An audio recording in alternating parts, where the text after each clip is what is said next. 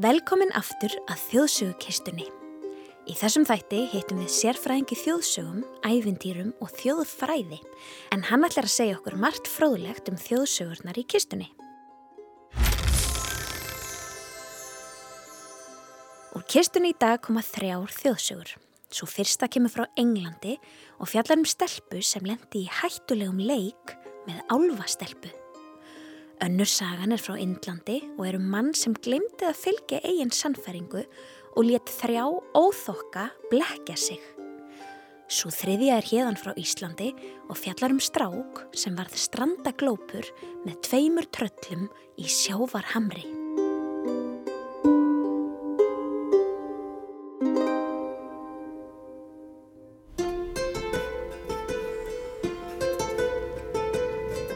Terri Gammal og kenni þjóðfræði í Háskóli Íslands. Þjóðfræði er það sem við lærum ekki í skóla, heldur lærum af fólki kringum okkur sem getur verið fólk í fjölskyldunni eða vinum okkar eða ömmu og afa og fleira. Þannig að má segja til dæmis um, vegjakrót er náttúrulega þjóðfræði, brandrar eru þjóðfræði. Hvernig við klæðum okkur er þjóðfræði, hvernig við skreitum herbeggið er þjóðfræði, myndir af uh, fókbóltamönnum er þjóðfræði. Um, þetta er allt sem, allt sem þessi óforunleg myndun sem, sem við fáum, þannig að, að það sem við skoðum uh, í, í, í rannsóknum okkar.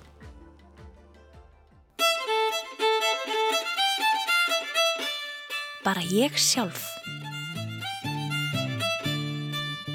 Álvardvergar og annað huldufólk byrtist ekki bara hér á Íslandi, heldur eiga mörg samfélag og þjóðir sína sögur um samskipti mannfólks við yfir náttúrulegar verur.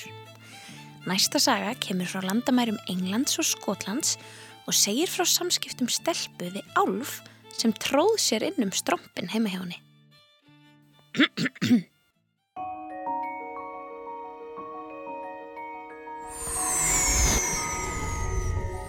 Í litlu húsi, langt í norðrinu og langt frá öðrum húsum og þorpum bjó fátæk ekja með sex ára dóttur sinni. Þær byggu al einar í húsinu sínu, umkringdar mýrum og melum og stórum steinum og hvergi líf að finna. Einu nágrannarnir þeirra voru álvarnir í dölunum. Stundum átti sjá móta fyrir draugalegri byrstu í grasinu með fram veginum að húsinu þeirra. Margar nætur þóttust þau heyra álfana í trjánum tala sín á milli og ljós álfa flöðra fyrir utan gluggan. Þrátt fyrir einmannaleikan byggu þær þarna ár eftir ár, en það þurfti fátæka ekkan ekki að borga neina leigu af þessu húsi. Henni þótti ónótalegt að vera vakandi yfir hánóttina þegar myrkrið skall á og þessir yfir náttúrulegu nágrannar fór að stjá. Því hafði hún það fyrir vana að kveika vel upp í eldinum í eldstæðinu eftir kvöldverðin, ganga frá og fara beint upp í rúm að sofa. Seks ára dóttur hennar þótti aðeins og snemt að fara að sofa á sama tíma á mamman. Þegar hún kallaði á hana að koma upp í rúm, þá þótti stelpan ekki heyra neitt og held áfram að leika sér við eldstæði. Þessi stelpa var mjög ákveðin, jafnvel hægt að kalla hana óþægtar orm og allt frá fæðingu hafði mamma hennar átt erfitt með að tjónka við henni. Því meira sem hún reynda að aga stelpuna, því meira streytist hún á móti. Oftar en ekki endaði stelpan á því að fá sínu framgengt. Eitt vetrarkvöldið gæt mamman ekki ákveði sig hvort hún ætti að taka slægin við dóttur sína eða leifinni að leika sér áfram og fara að sofa. Mömmunni var órótt því veðri var mjög vond þetta kvöld. Rókið barði á húsi svo allt skalf og það gnauðaði og hrykti í hörðum og glöggum. Hún vissi vel að á svona kvöldum væru álvarnir vakandi og sérstaklega líklegir til að gera einhver prakkarastrygg. Hún reyndi því allt sem hún gat til að lokka stelpuna í háttin. Heyrir í storminum úti. Vilt ekki kominga undir teppi til mín? Það er örugast að býða svona óveður af sér upp í rúmi. Hlítu mér og komtinga undir eins. Hún var sífælt ákveðnari og hækkaði róminn þar til hún hótaði að ná í vöndin og flingjana. En það þýtti ekki neitt. Stelpan let orðmóður sinnar sem vindum eiru þjóta. Hún gráð baða dóttur sína og skammaði á viksl. Þegar hún var alveg að gefast upp og dætt engin önnur ráð í hug, hótaði hún stelpunni að álvarnir myndu koma og taka hana. Þá hló stelpan og sagði Ha, ég vildi óska þess að þér gerði það. Þá geti ég fengið einhver til að leika mér við. Þá gafst mamman upp og lagðist grátandi í rúmið. Stelpan hennar helt áfram að leika sér við eldin. Hún hafði ekki leikið sér lengi þegar hún heyrði eitthvað flögra um í strompinu. Áðurnu vissi af hafði álfa stelpa sest hjá henni. Hún var alveg pínu lítil með hár og silfur þráðum, augu jafn græn og nýsleið gras og vanga jafn rauða og rósir. Litla stelpan horfi undrandi á álfin. Og, halló, hver er þú? Ég, ég er bara ég sjálf, sagði álfastelpan með skrækri röttu og starði á stelpuna tilbaka. Og hver er þú? Ég er, ég sjálf líka, svaraði stelpan varfærnislega og stuttu síðar voru þeir farnar að leika sér saman við eldin. Álfastelpan kendi mannastelpunni marga skemmtilega leiki. Hún bjóð til dýr úr öskunni í stóninni, tré og hús, konur og menn og þegar hún blés á þau, lipnaði allt saman við á eldhúsgólfinu. Þegar eldurinn fór að deyja út og byrtan að dopna, reyndi litla stelpan að hræra í kólunum með priki og blásaði glæðurnar til að auka á eldin.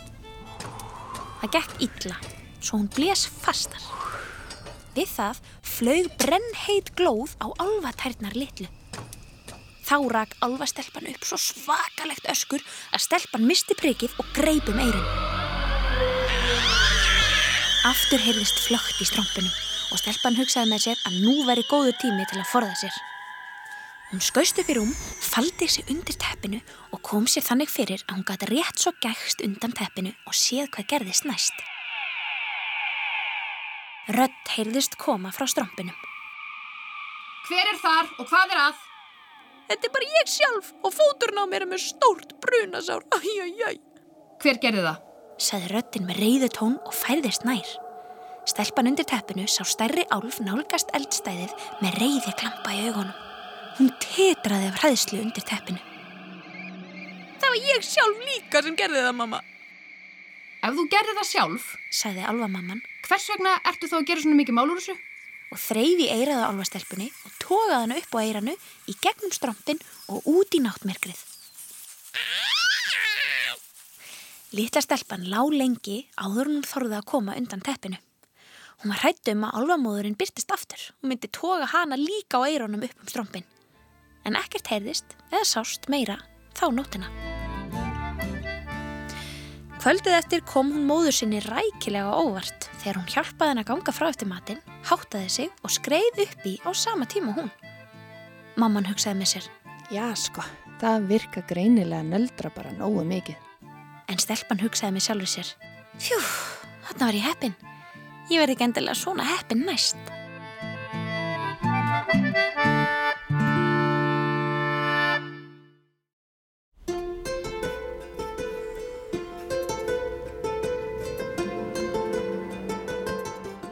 Þjóðsaga er fyrst og fremst saga sem er sögð af mönnum um, og fer milli manna, milli svæða, milli landa og getur verið þá lifandi í, í, í þúsund árum. Þannig að þjóð, þjóðsögur eru sögur sem fólk í þjóðinni segir eða, eða hópur af fólki segir um, og sögur til skemmtunar en sínir oft trú okkar og langanir að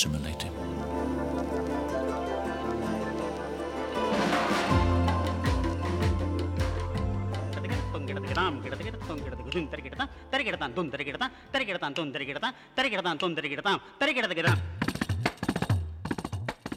Mítra sjarma Brahmani og óþokkarnir.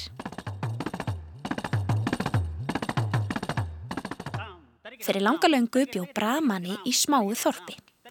Brahmani er nafn yfir ákveðna menn sem eru hindúatrúar og sérhæfa sig sem prestar, kennarar og verndarar heilagrar þekkingar.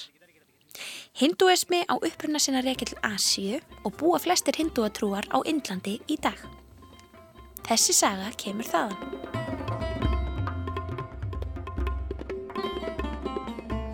Brahmaninn sem þessi saga fjallarum var ungur maður og hétt Mítra Sjarma. Einn daginn sagði fadir hans honum að fara á markaðinn til þess að kaupa heilbreyða og stæðilega geit sem síðar yrði fórnað í trúaratum.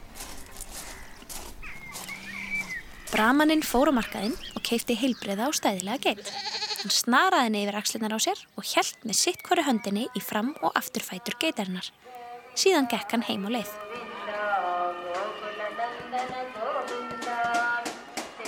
Á markaðinum voru þrýr óþokkar sem stunduði þjófnað og svindluðu bæði á sölumönnum og viðskiptavinnum þeirra. Þegar þeir sáu bramaninn ganga á stað með stæðilega geit á aukslunum, hugsuðu þeir sér gott til glóðarinnar og lögðu upp snildarlegt óþokka plan. Þessi geit verður að dásamlegri máltíð fyrir okkur þrjá. Við skulum reyna að ná henni. Þeir rættu málinn og lögðu svo á stað. Þeir komu sér fyrir á þremur mismunandi félustöðum á leið bramansins. Um leið og bramaninn var komin á afvikinn stað á leið sinni heim, þar sem engin annar var á ferð, stökk fyrsti óþokkin fram úr félustöðnum sínum og sagði við hann. Fyrirgjöðu herra minn, hvað er þetta? Ég skil ekki hvers vegna guðrækin og merkur maður eins og þú gengur með hund á aukslónum. Bramaninn var hissa og sagði, Hvað meinaru? Sér ekki að þetta er geit en ekki hundur? Þú er nú meiri vittlýsingurinn. Ásakið, herra minn, ég saði frá því sem ég sá. Mér þykir leitt ef þú trúið mér ekki. Þetta sagði óþokkinn og hjælt áfram sína leið. Bramaninn hafði varla gengið nema 100 metra þegar næsti óþokki stökk fram og sagði við hann. Fyrirgjöðu herra minn, hvers vegna gengur þú með dauðan kálf á aukslónum? Þú virðist vera gáfaðu maður. Þetta er klauvalegt að þér. Hva, hvernig í ósköpunum getur þú rugglað lifandi geit saman við dauðan kálf? Afsakið herra minn, þú virðist vera alveg rugglaðu sjálfur. Annarkort kemur þú frá landi þar sem geitur er ekki til eða þú ert viljandi að ruggli mér. Ég sagði bara frá því sem ég sá. Gangiði vel og góða ferð. Bramaninn gekk enn lengra. Þá stökk þriðji óþokkinn fram og hló hátt og snjált.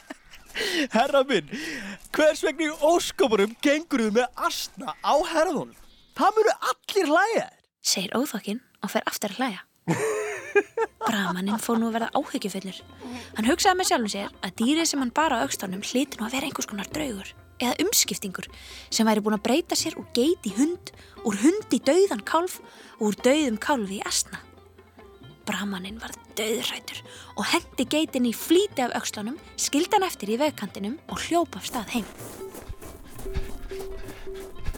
Óþokkarnir þrýr gengu svo í róleg heitum að geitinni, tók hana heim til sín, elduð hana og átu með bestu list.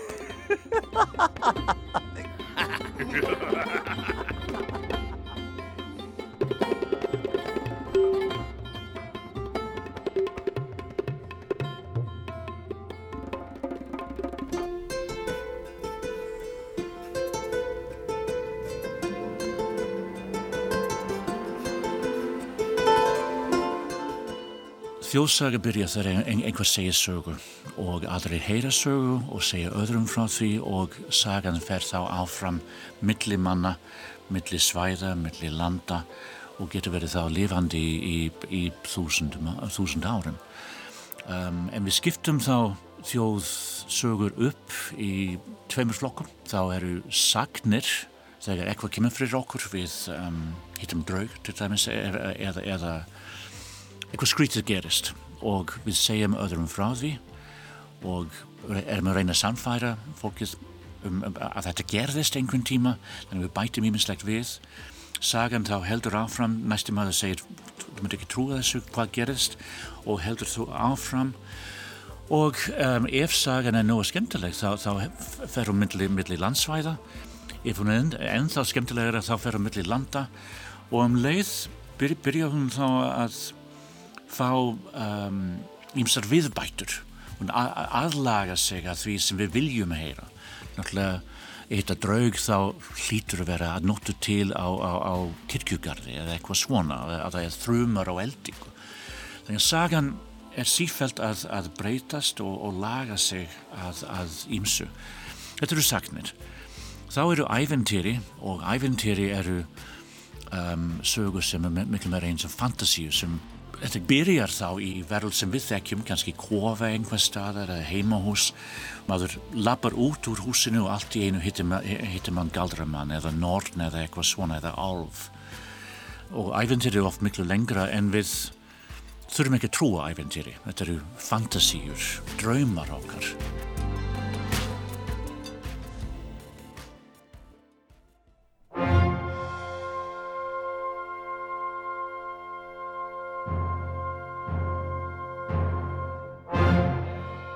Lítið ber smátt smátt.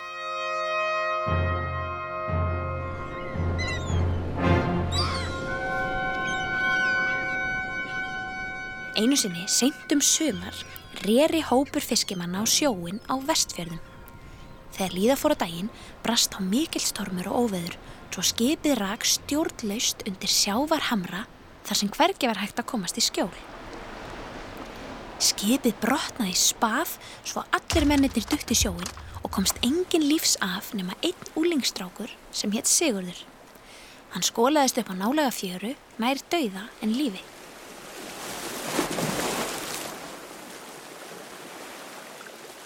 Hvergi var hægt að komast gangandi að þessari fjöru frá landi, nýja seglandi frá sjó og engin lifandi skeppna komst hangað, nýja þaðan, nema fugglin fljúandi. Þarna lág hann þar til tóka rökva og hann sá ekkert nema dauðan blasa við sér. Allt í einu heyrði hann skringileg hljóð berast skamt frá sér. Hann leit niður eftir fjörunni og sá þá tvo risa vaksna tröllkarla tína saman þar sem skólast hafiði á land úr skipinu. Þeir gengu svo risavöxnum skrefum upp í hamrana þar sem blasti við stór hellismunni. Sigurður hugsaði með sér. Ég dauður hvað sem er. Ég get ekkert falið mig fyrir þessum tröllum. Það er best að ganga bara til liðs við þá. Og það gerði hann. Hann skreitist á fætur mjög máttvana og byrjaði á því að bera smávegis af timbri upp hamra belti.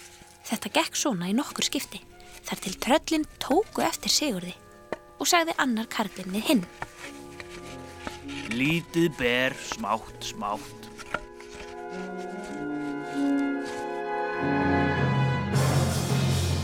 Hjeldu þeir svo áfram þar til allt var komið upp í hellin sem skólast hafði á land og komin nótt.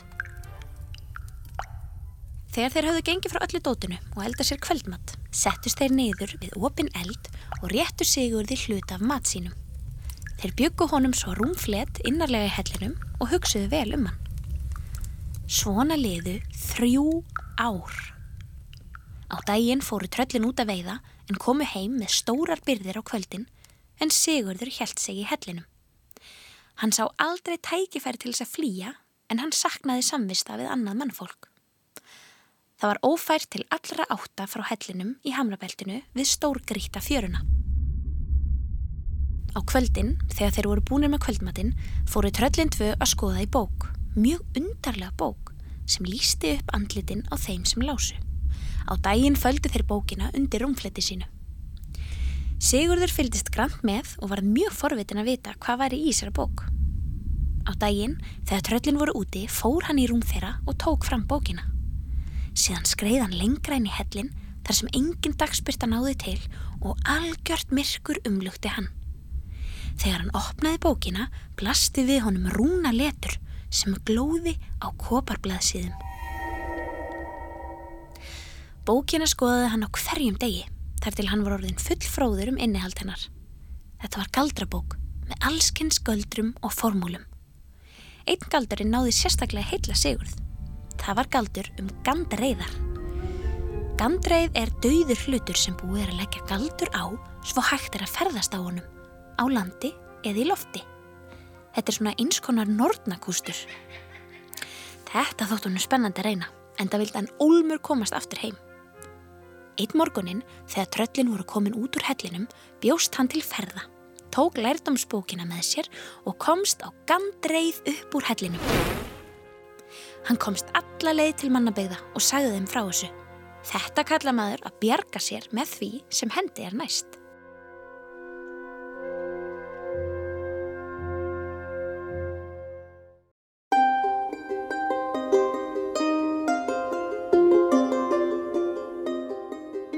Lokum við þjóðsögukistunni í byli en býðum spennt eftir því að opna hana aftur. Þá koma ábygglega fleiri sögur en við heyrum líka aftur í Terry Gunnell en hann er prófessor í þjóðfræði við Háskóla Íslands. Ef þeir langar að heyra einhverja sögu aftur sem þú heyrðir hér í dag eða hlusta fleiri þætti, farðu þá inn á krakkarúf.is í spilaran eða á aðrar hlaðvarp sveitur. Þánga til næst, takk fyrir að hlusta.